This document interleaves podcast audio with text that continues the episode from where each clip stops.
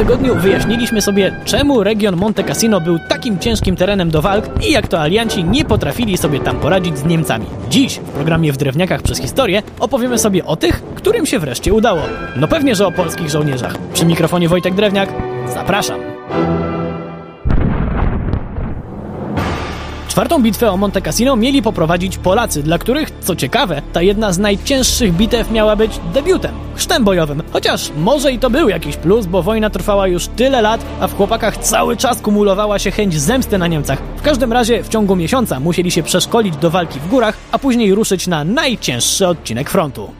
Nasi chłopcy ruszyli do natarcia w nocy z 11 na 12 maja 1944 roku, a ich zapał zaskoczył ponoć naszych sojuszników. Być może dlatego, że oni już wiedzieli na co stać Niemców pod Monte Cassino. Nasi też szybko się przekonali. Szybko zaczęły w ich stronę lecieć granaty, serie z karabinów, walczono nawet wręcz, a jakby tego było mało, to z pomiędzy skał niemiłosiernie pruli też hitlerowscy snajperzy, a ze snajperami naprawdę nie ma żartów. Opór był naprawdę tęgi. Polacy po latach wspominali widok ludzi, którzy, i tu cytat, topnieli od ognia broni maszynowej. Poza tym wszędzie były miny. Mimo to nasi parli do przodu i udało im się wykonać pierwszą część planu. Związać Niemców w walce, żeby nie mogli przerzucić żołnierzy w miejsce, gdzie atakowali Brytyjczycy. A poza tym świetnie rozpoznali teren, co miało im się bardzo przydać w kolejnych dniach walk.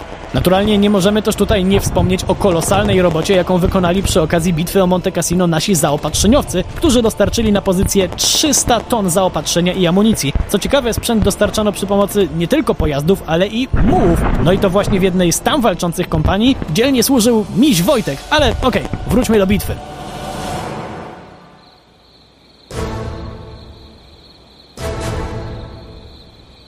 Chłopaki przegrupowali się i do kolejnego szturmu ruszyli 17 maja. Tym razem byli jeszcze lepiej przygotowani. Atak poprzedził potężny ostrzał artyleryjski z dział, które nasi ukryli tak dobrze, że Niemcy nie zauważyli ich przez dwa tygodnie. Poza tym, jak już wspomnieliśmy, Polacy dobrze rozpoznali teren walk, co oczywiście nie znaczy, że było łatwo. O nie, straty w ludziach były naprawdę duże, często brakowało amunicji, ale chłopaki z niesamowitą determinacją zdobywali kolejne bunkry. Jak wielka była ich motywacja? Wystarczy powiedzieć, że dowódca jednego z batalionów, śmiertelnie ranny, jeszcze przed śmiercią zdążył powiedzieć za Polskę i dla Polski. A kiedy niedaleko inni żołnierze dostali się pod ostrzał moździerzy i sytuacja była naprawdę beznadziejna, to zaczęli śpiewać Mazurka Dąbrowskiego i tak się tym nakręcili, że nabrali nowych sił i przeszli do kontrataku.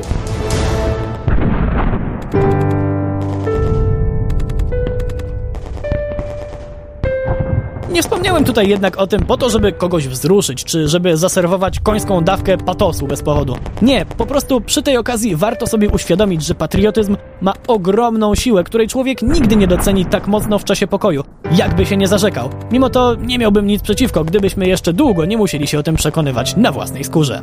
Walki trwały całą noc i w końcu chwilę przed dziewiątą rozpoczął się szturm na klasztor, z którego, jak się okazało, Niemcy już uciekli. Jako pierwsi pojawili się tam oczywiście Polacy, którzy po zabezpieczeniu terenu wywiesili na ruinach polską flagę. Później odegrali tam hejnał mariacki, a inni żołnierze strasznie im zazdrościli, zwłaszcza po tym, co powiedział po bitwie dowódca aliantów.